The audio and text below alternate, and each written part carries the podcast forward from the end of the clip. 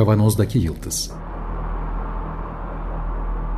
Hazırlayan ve sunanlar İsmail Başöz, Haluk Levent ve Fethiye Erbil.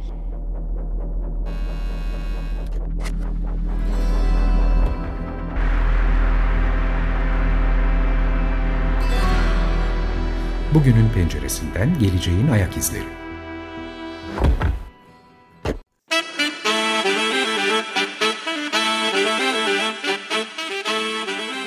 Sadece eğitiminizi ve işinizi söyledim ama siz bundan çok daha fazlasısınız. Çok ilham verici bir insansınız. Ben sizi belki 10 yılın üzerinden beri tanıyorum. Şimdi ben size siz kimsiniz ve neler yapıyorsunuz desem kendinizi nasıl anlatmak istersiniz? işte çok kolay bir soru değil yani benim açımdan da. Ben de bazen soruyorlar sen hangi alanda uzmansın? Valla ben bilmiyorum. yani hani her şeyden biraz biraz hiçbirinden tam olmayan tiplerden biriyimdir ama. Aynen yani hiçbir yerde tam oldum diyemem ama her şeyde de bir merakım var. Ama şöyle söyleyeyim ben kendimi nasıl tanımlarım diye bazen ben de sorduğumda her şeyden önce aktivistim derim ben kendime. Yani akademisyenliği bir kenara bırakalım. Aynı zamanda memurum. işte üniversite mezunuyum, doktora yaptım çok bir şey var ama her şeyden önce aktivist olarak kendimi tanımlıyorum. Özellikle bir engelli aktivistiyim. Yani o noktadan tanımlıyorum. Çünkü yaptığım her çalışmanın ucu bir yerde oraya dokunuyor. Mesajlarımı birine okutmak zorunda. Bilgisayarı gördüm yani. Ya. O zaman bakıyor not çıktı telefondan SMS bilme işte e, düşünsene sevgilinle mesajlaşacaksın arkadaşına okutuyorsun. Olmaz ki yani. Boğaz içinde olmanın avantajıyla işte hmm. hala e, İngilizce sesle okuyorduk gazeteleri falan ama yine de bir köşe yazısını tek başına okuyabilmek falan müthiş bir duyguydu. Düşünsenize ben Ben zaten biz hep şey diyor 3B diyoruz hani köylerin yaşamında bence e, şey yapan. Biri Braille alfabesidir. E, yani kabartma yazı.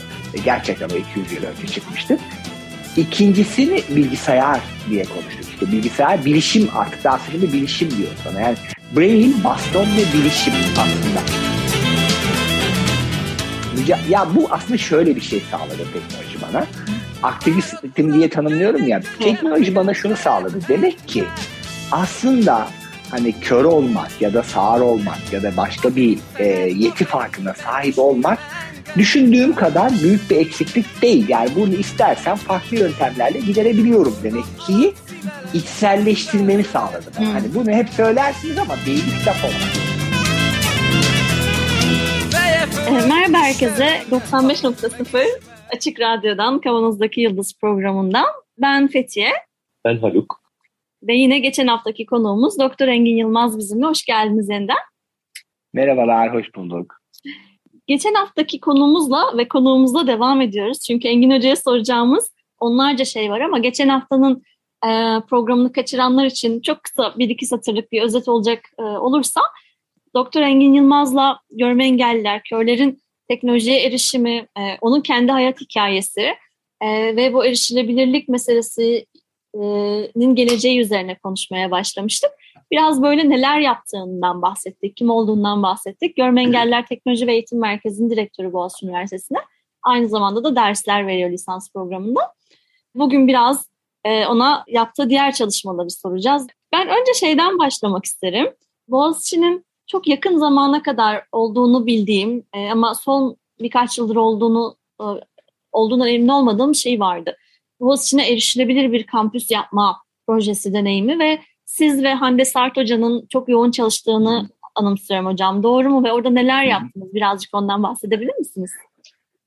Tabii Boğaziçi Üniversitesi aslında hala yani YÖK'te engelsiz bayrak ödüllerini aldı yıllarca aldı. Hala aldı. Geçen Aynen. sene de aldık e, kampüs bazında özellikle Kuzey Kampüs, Güney Kampüs'te.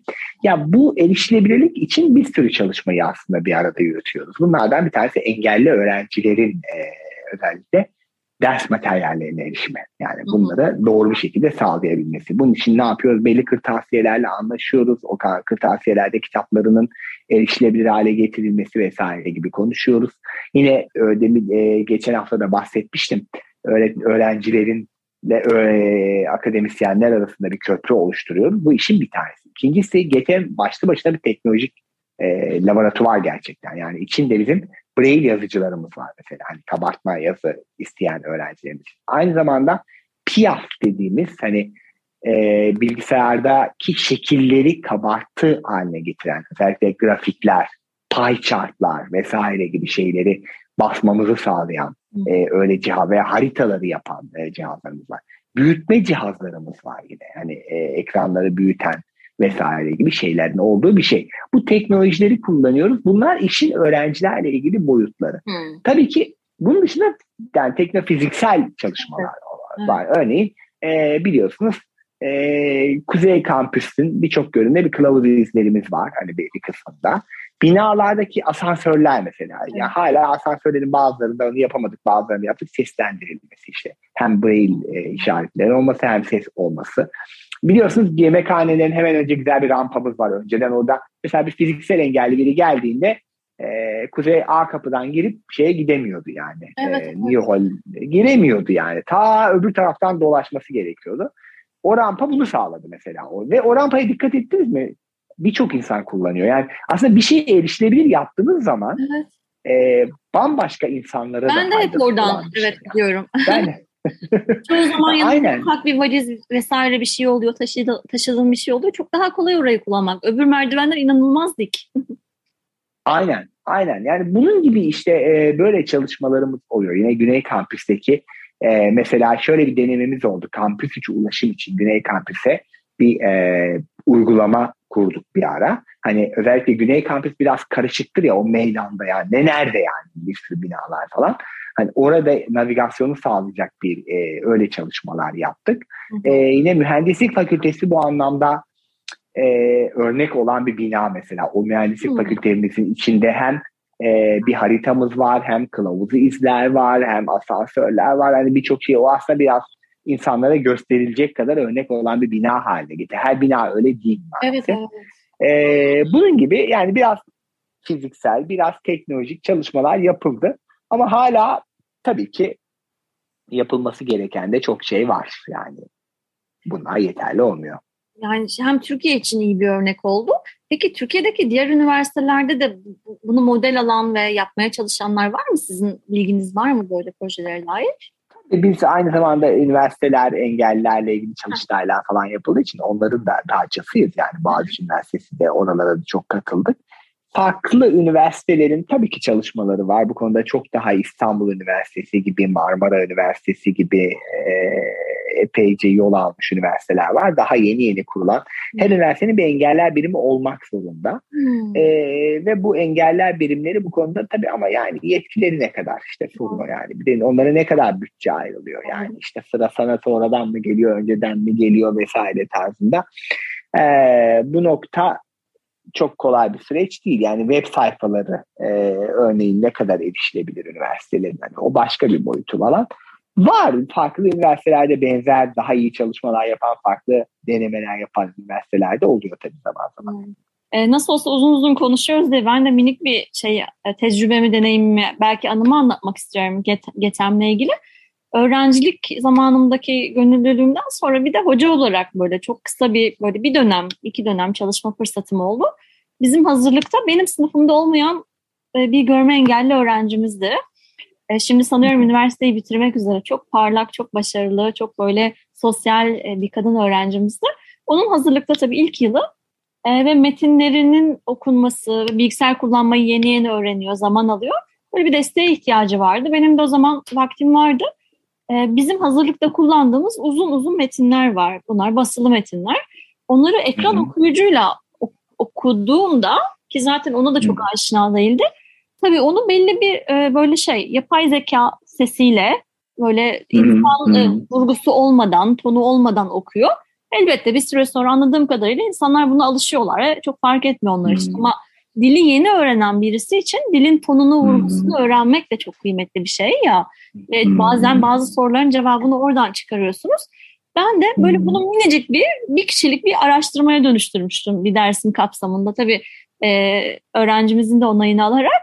E, benim okuduğum metinlerde olan fark ne?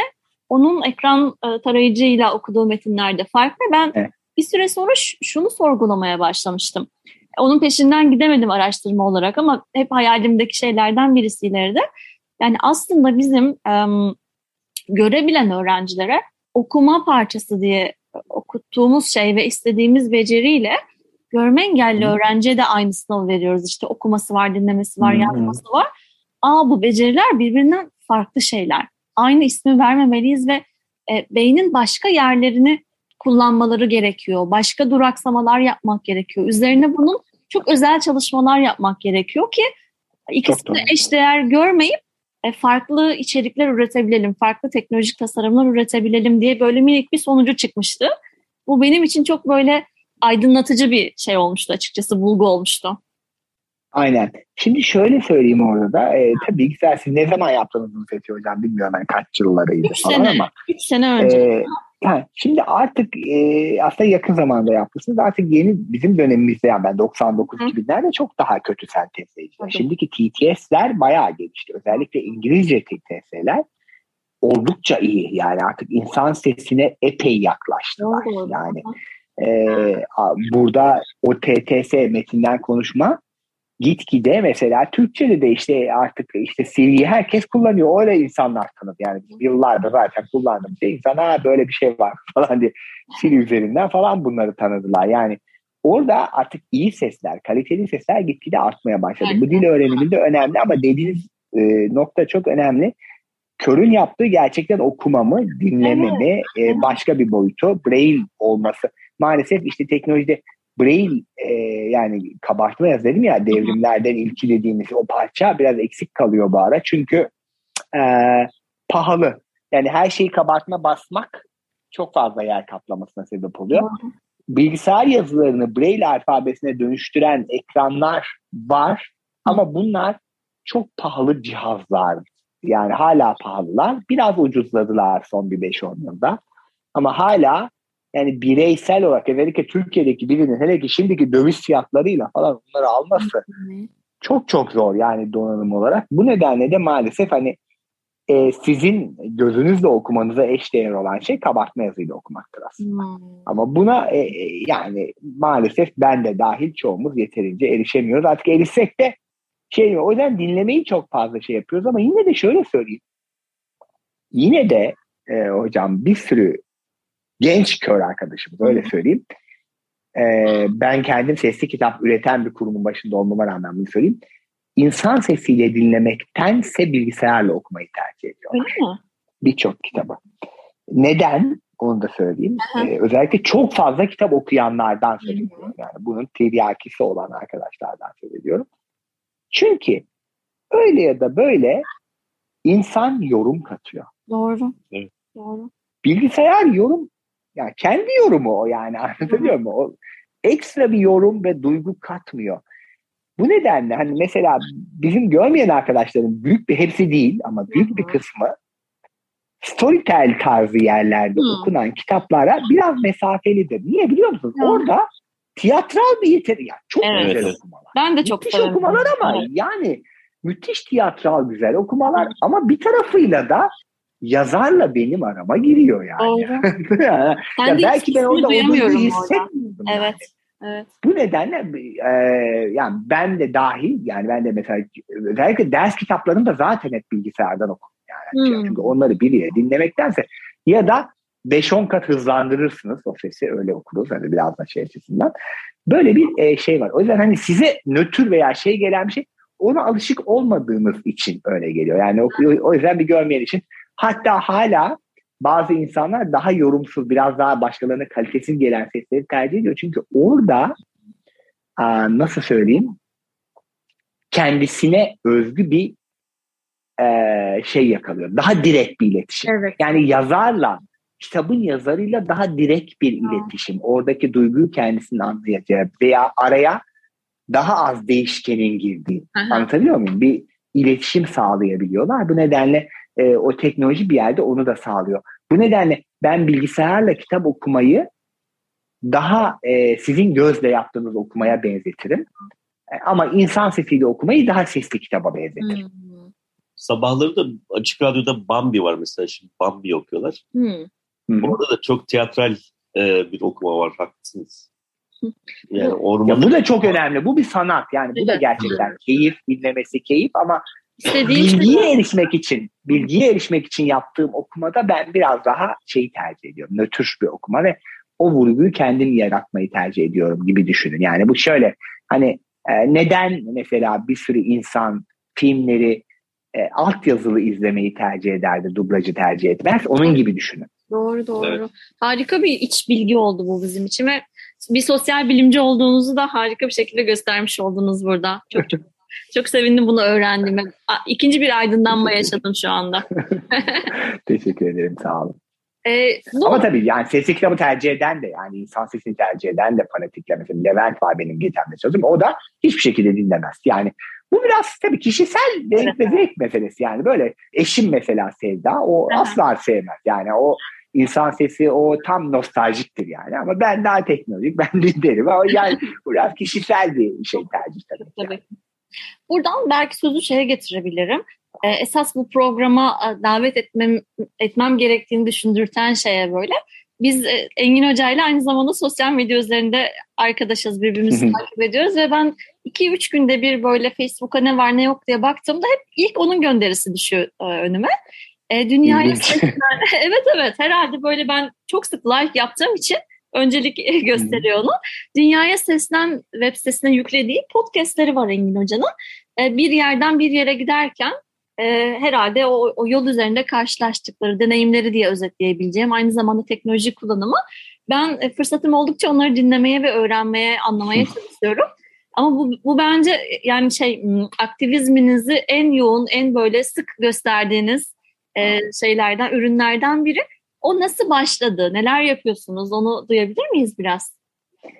Ee, çok teşekkür ederim bu soru için. Şöyle diyeyim aslında ben bu projeyi şöyle zaten e, yazları ben seviyorum. Yani normalde de hep anlatmayı, paylaşmayı seven biriyim. Yani mutlaka bir şeyleri anlam öyle bir yanım vardır gerçekten. Hı hı. E, şimdi e, baktım e, işte eşim gidiyor onunla kalkıyoruz. Bir de yürüyüş yapmayı da seviyorum. Yani normalde aslında Boğaziçi Üniversitesi'nde servis var yani Hı hı. evden. Gidebilirim ama hani eşimle biraz erken uyanıyorum. Onu ona kalkınca hadi onunla çıkayım oradan şey yapayım Üsküdar'a gideyim Bebek'te gideyim oradan da yürüyeyim hani böyle bir güzel bir yol olsun. Hani Tabii yazlar şimdi kışın tabii daha az yapabilirim Evet. muhtemelen ama yazın çok seviyorum onu. Şimdi gidiyorum bir gittim iki gittim dedim ya bu boşa gitmesin yani. Hani bu, bu kadar vakitte yürürken hani bunu bir şeye dönüştürebilir miyim ee, de- de- dedim. Yine geçen hafta şeyi konuştuk hatırlıyorsanız. İnsanların en büyük yaşadığı şey işte evlerinde kalmak durumundalar. Hani çıkamıyor olabiliyorlar. Böyle bağımsız hareketleri, baston kullanımı cesaretleri olmadığı için.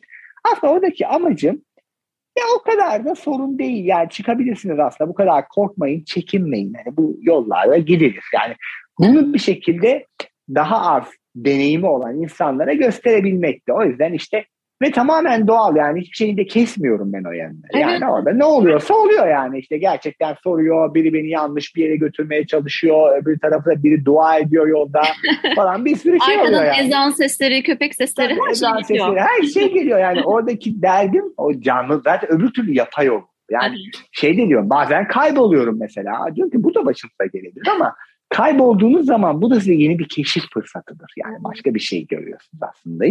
Göstermek için yaptığım bir e, şeydi bu yazın başladım. Yaklaşık Hı. 30'un üzerinde de program yaptım galiba böyle Evet. farklı zamanlarda. Ee, bazıları böyle canlı canlı yapıyorum insanlara. Bazen de hani e, tabii, tele, tabii çünkü sadece bir iPhone var elimde yani çok da büyük böyle bir şeyim yok yani onu yapmak için. Bazen hani banttan yapıp belli teknolojik uygulamaları gösteriyorum. Mesela bir programda şey yapmıştım. Gittim e, işte bir görmeyen teknolojiyle işte ATM'den nasıl QR kodla erişilebilir para çekersin. Sonra o paraları nasıl teknolojik bir uygulamayla ayırt edersin. Oradan çıkıp işte e, nasıl e, İstanbul karta para yüklüyorsun falan gibi öyle detaylara girerekten hani öyle şeyleri anlatıp özellikle navigasyonu da test ediyorum. Hiç bilmediğim için insanlar çünkü en büyük soru yani. Mesela e, yakın zamanda Ordu'ya gitmiştim. Hı hı. Dedim ki arkadaşlar bakın bu Ordu'dan şimdi işte bizim köyümüze giden yani ben normalde oralıyım. Köyümüze giden yazıhaneye gideceğim ama hep birileri oluyordu yanında hiç bilmiyorum. Hadi dedim, şimdi gidelim hem de o burayı keşfedelim. Şehir bakalım nasılmış yani. Ben de bilmiyorum. Beraber deneyelim dedim. Gerçekten açtım orada. Ee, kimse bilmiyordu bile gideceğim yeri. Böyle 500 metre uzaktaydı falan. Dolana dolana biraz kaybola yanıla. Bulduk ama o, o, o çok keyifli. Yani biraz o şeyi de vermek işte. Ya bakın hani istiyorsanız deneyin yani. Hani siz de bakın ben de şu an e, sizin kadar yabancıyım o ortamayı. E, göstermenin ve o bir de keyif ben böyle orada anlatırken konuşmayı da seviyorum galiba. Onunla giden ve onun içinde kullandığım teknolojileri de göster, özellikle navigasyon teknolojilerini göstermeye çalıştığım bir e, program o da oldu böyle yazın yaptığımız. Aslında bir, bir yandan da bir güçlendirme çalışması gibi bu değil mi? Diğer insanlara da cesaret verme ve güçlendirme çalışması gibi. Esasında şöyle e, düşünün. Şimdi bu e, son zamanlarda biz bazı programlarımızda ağır ekonomide falan e, çok ele aldığımız bir konuydu. Mesela e, işte kadınların dışlanma sorunu var ya da kadınların problemi var. Muhalefetin aklına hemen kadınlar için bir proje yapmak geliyor. Gençlerin sorunu var. Hemen gençler için proje yapalım oluyor. Halbuki problem o değil. Tam da sizin altını çizdiğiniz mesele. Gençleri ve kadınları top, bizim normal olarak toplumun karşısındaki sorunlar konu, söz konusu olduğunda görüşlerini iletebilecekleri, e, doğrudan katılımlarını sağlayabilecekleri ortamı yaratmak lazım. Onların özel olarak proje yapılmasına Aha. ihtiyaç yok. E, aynı şey burada da söz konusu. Herhangi bir engel olan herhangi bir kişinin normal hayatını kesintisiz ve hiçbir engelle tabi olmaksızın yaşayabilmesini sağlamamız lazım. Onlar için böyle özel projeler yapmak falan gibi bir yola gitmek çok Aynen. Ben hep şey söylüyorum arkadaşlara. Arkadaşlar yani siz sokağa çıkmazsanız yani daha şey bilimsel ifade kamusal alana evet. çıkmazsanız hayat erişilebilir olmayacak sizin için. Yani siz oralarda oldukça, görünür oldukça bunlar sağlanabilecek. Yani kendinizi çekmeyin. O yüzden ben hep çok söylerim insanlara. Ve gerçekten çok düşündüğümden çok daha fazla olumlu tepki aldım görmeyen arkadaşlardan. Çok teşekkür ben. edenler evet, yani. Tepkiler diye. Ee, bana yazan bir sürü arkadaşım oldu ve ben o, o yüzden de ya ben o kadar aslında biraz da öylesine geyik olsun ben vakit geçsin diye başlamıştım. Hani o kadar büyük hedeflerim yoktu başlarken. Hani kendimi anlatıyorum zaten ama insanlar ya biz de çıkamıyorduk hani bu bizim için bir şeyler belki onu dinleyip çıkmamıştır kimse ama yarın bir gün için o bir kulaklarına şey olmuştur anladın mı? Orada dinlemek bakın biz de aa bunu da böyle yapıyormuşsun ya da yalnız değilim ben. Hani, ha demek ki bak ben o da kaybolabiliyor. O da düşebilir ama yine de devam eder. Ben de düşmek değil önemli. Düştükten sonra kalkmaktır hani mesela gibi. Hani bunlar açısından çok güzel e, arkadaşlardan hatta e, 24 Eylül günü e, şey yapıp yapacağım. Bununla ilgili bir sokakta o grupla yani bir grupla bir buluşup beraber bir yürüyelim hani isterseniz diye bir sahilde buluşup öyle bir çalışmamız olacak. Ee, öyle bir çalışmamız da var. Yani şey var. Bu bir dediğiniz gibi güçlendirme Haluk Hocam'ın söylediği gibi. insanların biraz e, talep etmeyi, haklarını talep etmeyi de e, şey yapması lazım, benimsemesi lazım. Onu talep etmek için de e, durumlarını kabul etmeleri ve onunla bir yaşayabilecekleri yani körlüğü tedavi etmek değil, onunla birlikte yaşayabileceklerine inanmaları gerekiyor her şeyden önce. Öyle öyle yani. Norm, normal hayata karışmaları gerekiyor. Gündelik hayata. Aynen. Evet. Yani ben ben de bu yaşımda artık 35 yaşındayım şeyi fark ediyorum öyle. Hani hep kamunun e, vatandaşı düşünüp her şeyi ona göre tasarlaması, her şeyi böyle erişilebilir, eğitime erişim anlamında sadece engeller anlamında söylemiyorum bunu e, her şey erişilebilir kılması gerektiğini düşünerek büyümüşüm, okumuşum. Çok böyle akademinin içinden bakan bir görüş ama öyle değil. Biz talep etmedikçe kimse bizim için gelip hayatınız nasıl olsun diye sormuyor maalesef. Daha çok sesimizi çıkarmamız gerekiyor. Evet. Ya şu da var yani hiçbir zaman yani kimseye ya hiçbir zaman bu bir bir bu hedef için uğraşacağız ama hiçbir zaman bütün dünya bizim için erişilebilir olacak. Aslında kimse için hiçbir zaman tamamen erişilebilir bir dünya olacak. Yani herkese göre engellemeler var. Biz sadece evet. bizimkiler görünür gibi görünüyor. O farklı yani dünya hiçbir zaman ama bunun için hı hı. E, bundan şikayet etmeyi ve hayır ben ben de buradayım diyebilmeyi öğrenmek zorundayız. Ancak öyle o hakkı elde edebiliriz. Yoksa kendi kendimizi durarak onu elde edemiyoruz. Yani o mesele çok önemli. Aktivizm de oradan geliyor aslında. Bu nedenle insanların gerçekten biraz hayır ben de buradayım, varım, haklarım var demeyi demesi gerekiyor ki kazanım elde edebilsin. Yani ya kendi için ya e, bir sonraki jenerasyon için. Çok çok çok doğru. Evet İsmail ben. Bu kadar güzel bir programı bensiz yaptıkları için biraz haset ettim. Sevgili dostlarım Fethiye ve Haluka. Biraz editle, biraz renklendirerek programın içine katılmayı istedim. E, biraz korsan bir hareket oldu bu da. Neyse hoş göreceklerdir. Umarım siz de hoş görmüşsünüzdür. E, normalde iki programlık kayıt yapmıştık. Sevgili konuğumuz Doktor Engin Yılmaz ile açıkçası kesip kırpmaya kıyamadım ve e, önümüzdeki haftada bu sohbetin üçüncü bölümünü dinlemek üzere bir organizasyon yaptım. Konumuz Doktor Engin Yılmaz, Görme Engelliler Teknoloji ve Eğitim Laboratuvarı Direktörü Boğaziçi Üniversitesi'nde görev yapmaktalar ve ben kaydedilmiş bu programı size hazırlarken açıkçası çok keyif aldım. Evet bu haftalık programımız buraya kadar. Bu programın size ulaşmasını sağlayan bütün Açık Radyo çalışanı arkadaşlarıma canı gönülden teşekkür ediyorum. Program destekçimize yine çok çok teşekkürler ediyoruz. Önümüzdeki hafta yine Doktor Engin Yılmaz'la yaptığımız sohbetin son bölümünde sizlerle buluşmak üzere. Hoşçakalın.